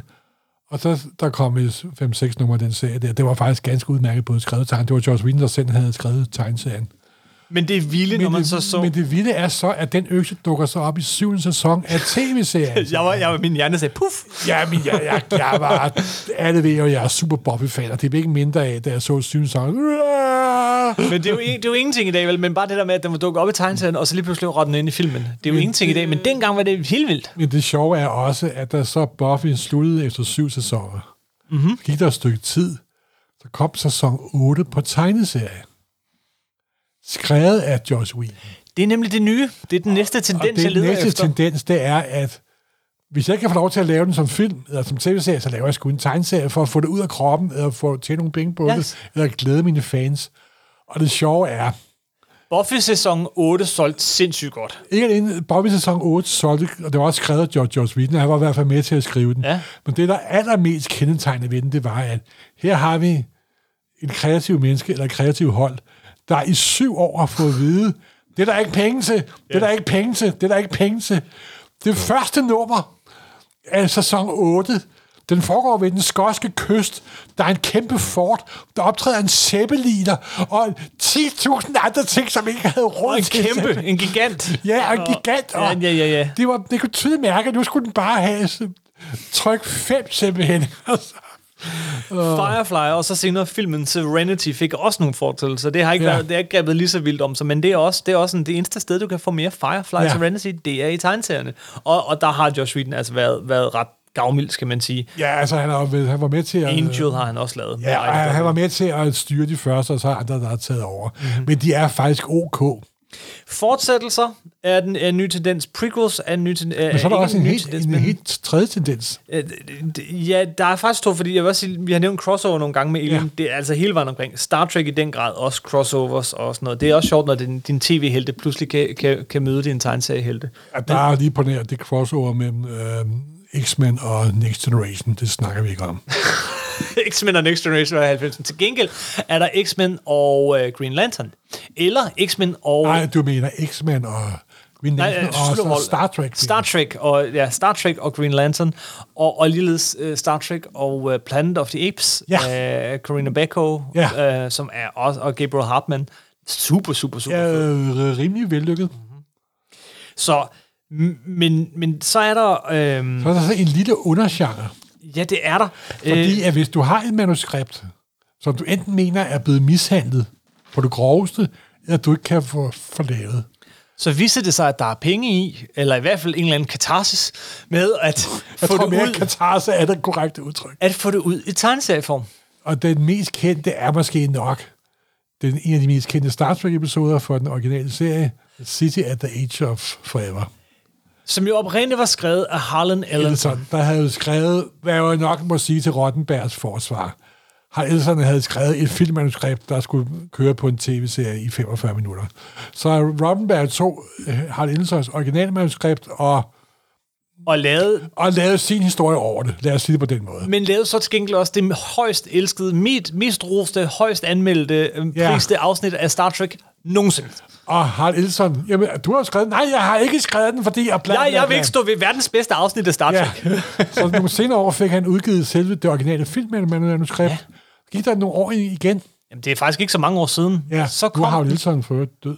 Ja, yes, Ja, ja, ja, men desværre. kort Men- før han døde, Så fik de udgivet øh, det originale manuskript som tegneserie simpelthen. og den er rigtig flot, Ja, og den, den er er faktisk rigtig også rigtig god, og Ja. den, er, den, den, den lugter lidt af City of Edge of Forever, som jeg Ja. kender den og har set mange gange, men den er også sin egen. Ja. Den, er, den er sjov. Ja. Øh, og, og, og den står ikke alene. Den, der er andre af den her slags ting, fordi du nævnte jo selv, at oprindeligt så, øh, så kom George Lucas med noget, der hed The Star Wars.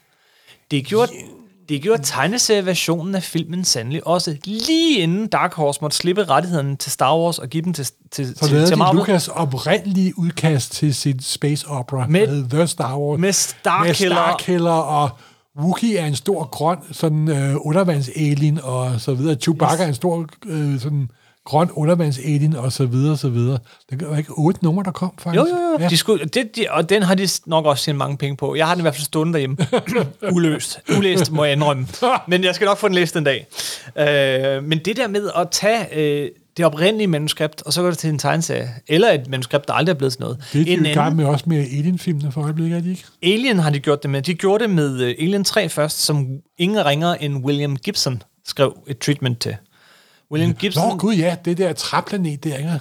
Nej, faktisk ikke. Alien 3 har en lang og kompliceret produktionshistorie. Ja, jeg jeg, kan anbefale Og- og- at se ekstra materialet til, sådan, øh, til DVD Blu-ray, fordi den er virkelig underholdende. Og Men, den er sikkert mere underholdt end selve filmen. men, men der var et tidspunkt, hvor at man vidste, at man ville gerne lave den, men at øh, Sigourney Weaver ville ikke være med. ja, Og på det stadie fik man så William Gibson, som selvfølgelig er kendt øh, for, for, for øh, sin cyberpunk og Ja. sin, sin Ne- Necromancer. necromancer, til Necromancer. og, og alle de her ting. Og en fantastisk science fiction forfatter for øvrigt. men elendig manuskript.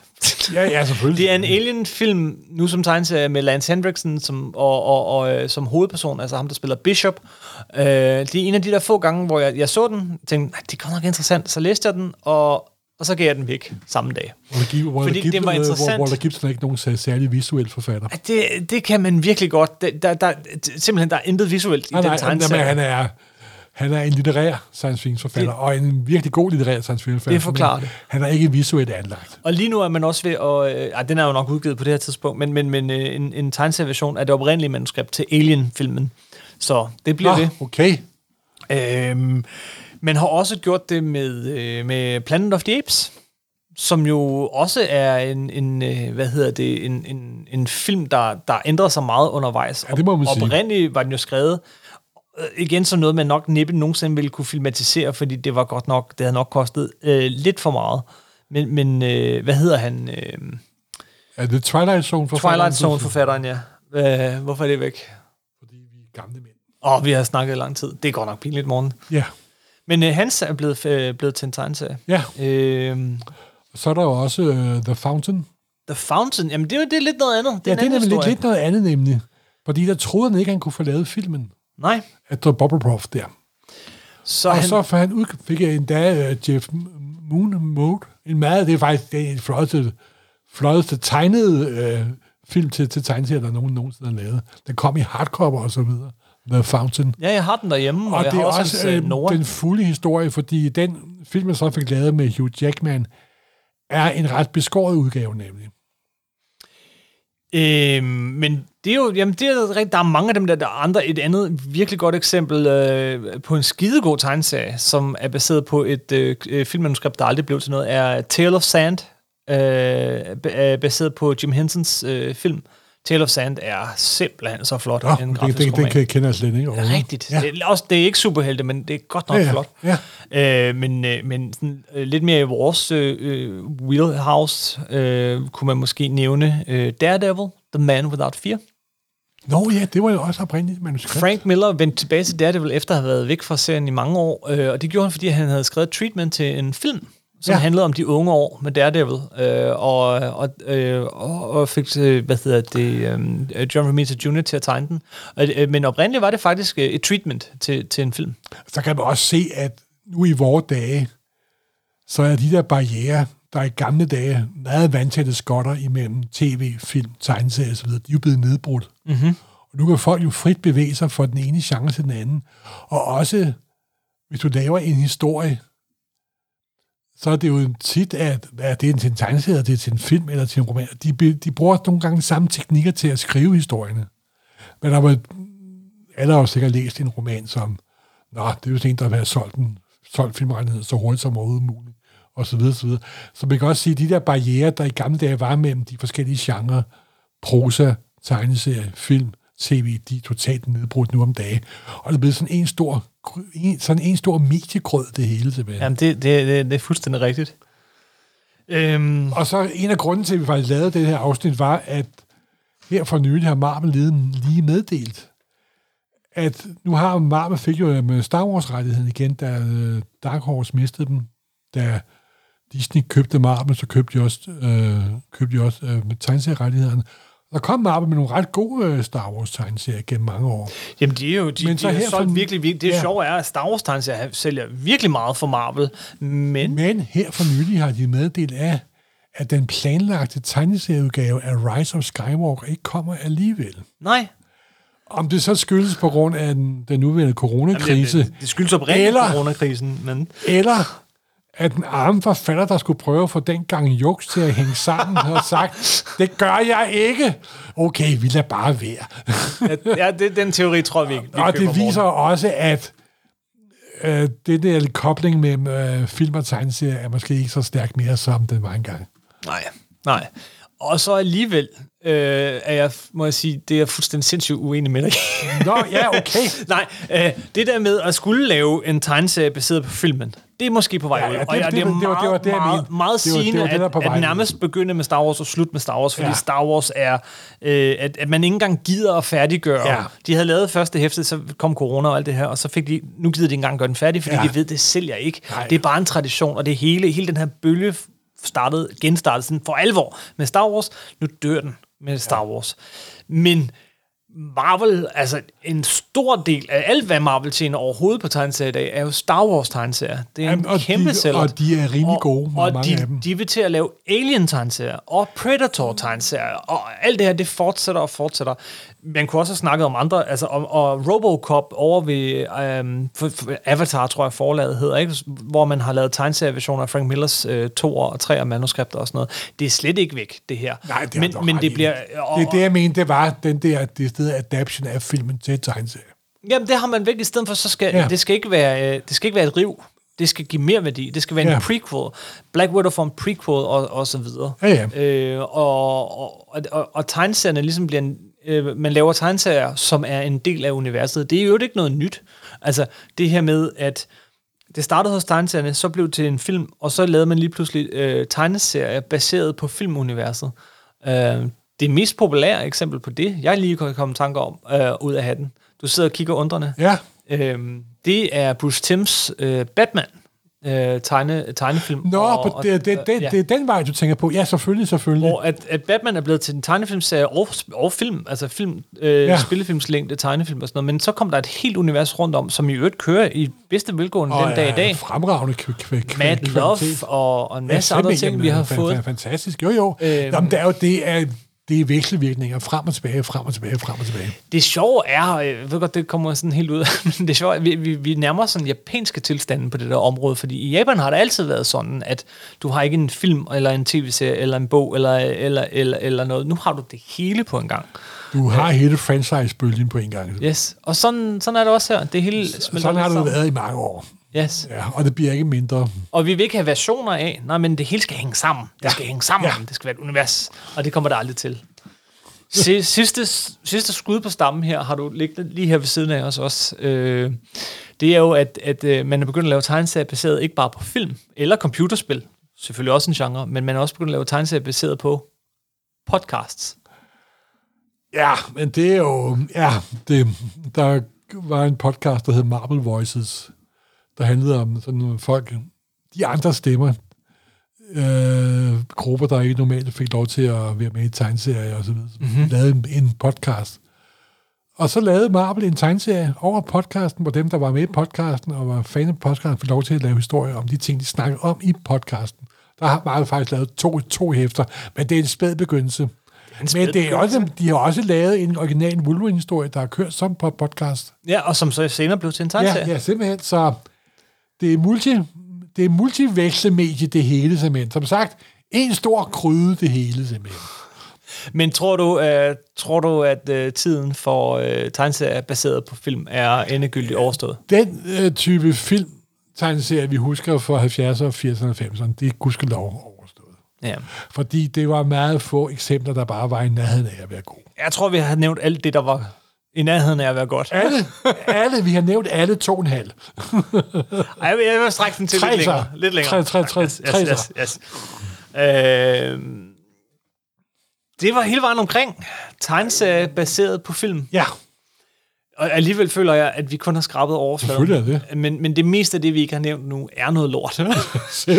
Men øh, vi har hoppet fuldstændig udenom øh, om, om noget, som faktisk nok har fyldt endnu mere for, for de fleste af vores lyttere, ikke? Altså, som, som er tegneserierne baseret på øh, tv-serier. Dem har vi øh, sådan perifært rør. Er man vokset op i 60'erne, så nævnte jeg Flintstones, alle de her ting. Ja. Vi har også nævnt Buffy og sådan nogle ting, men helt ærligt, øh, i 80'erne, der havde vi Atari-blad, vi havde Alf. Alf, Alt solgte. Alien Lifeform, selvfølgelig Yes. alt, og den var enormt populær. Den solgte sindssygt. I en kort årgang, og så solgte den slet Ikke en skid. Og jeg kommer pludselig tanke om uh, X-Files-tegneserien. Var super populær Men det også. var jo øh, det var en fortsættelse også Ja, ja, ja. Af, af, det hele, ikke? Ja, jamen det er det, man kan bare blive ved og blive ved og blive ved, og, og det går tilbage, det går tilbage til I Love Lucy havde, og havde sin egen Ja, tegneserie, men i dag i 50'erne var der som sagt også en masse. Og den kom Og- også under det der Del Four-Color Comics. vi havde Mask, kom endda på, på dansk. Øh, Og med Mars startede som en tegneserie. yes, yes, yes. Det er, så det er ikke helt korrekt. Okay, men, men det fortsætter jo stadig. Der findes den der, der findes tegneserier fra de senere år med Orphan Black og The Orville og, øh, og de nye Star Trek-serier. Ja, og, og den store grund er jo også, at det er uendelig billigere at producere en tegneserie, end det er at producere en film. det er, eller, det, eller en det, TT. det er selvfølgelig det, og hvorfor ikke bare prøve, og nogle gange kommer der noget godt ud af Og nogle det. gange er det også bare en slags reklame for, for serien, simpelthen. Jamen, nogle gange også, jamen det ved jeg ikke, altså Simpsons og alle sådan nogle ting har jo kørt i mange, mange, mange år og haft deres, Ja. øh, deres succeser, ikke? Men jeg tror, jeg tror grundlæggende, så det vi tænker på som filmversionen af tegneserien, Hejsøen og den slags, det er slut. Ja, Og hvis ikke det er slut, så håber jeg, det er slut nu. ja, simpelthen. ligesom vi må slutte den her po- podcast. Det må vi. Det, er- det, er, det er mindst 25 minutter over tid, Morten. Okay. øh, men du snakker også længe om Star Wars. Ja, og, øh, beklager, og der det er min det, skyld. det er et kæmpe emne. Øh, skal vi ikke bare sige tak for den gang? Husk, Jo. at du kan øh, del endelig med os, hvis der er en øh, fantastisk god øh, tegneserieversion, eller bare super interessant tegneserieversion af en film eller tv-serie, vi har glemt at Ja, nævne. du synes, vi er lidt, lidt for hårde, Så, eller du synes, vi har været lidt for hårde ved nogle af dem. eller for bløde. så, øh, så nævn dem. Øh, jeg håber en dag, at vi kan vende bare en lille smule tilbage til 2001 og, øh, og Abernes Planet. måske. Jeg er i gang med en stor podcast omkring de to K af mit liv, Kubrick og Kirby. Den glæder jeg mig til. Og, øh, og ellers så er det jo inde på facebook.com supersnak podcast ud et, hvor øh, man kan høre fra os. Der er billeder. Vi, jeg vil gerne savne, sa- samle en hel masse billeder af, af filmtegneserier, for der er i- ikke, om ikke andet nogle rigtig interessante forsider inde på øh, vores Instagram-side. Det er også underholdende, Podcast. ikke interessante. Ja, man, bare kig på Dune. Og Alien. Nå, skal vi sige tak for denne gang? Ja, hej. Hej.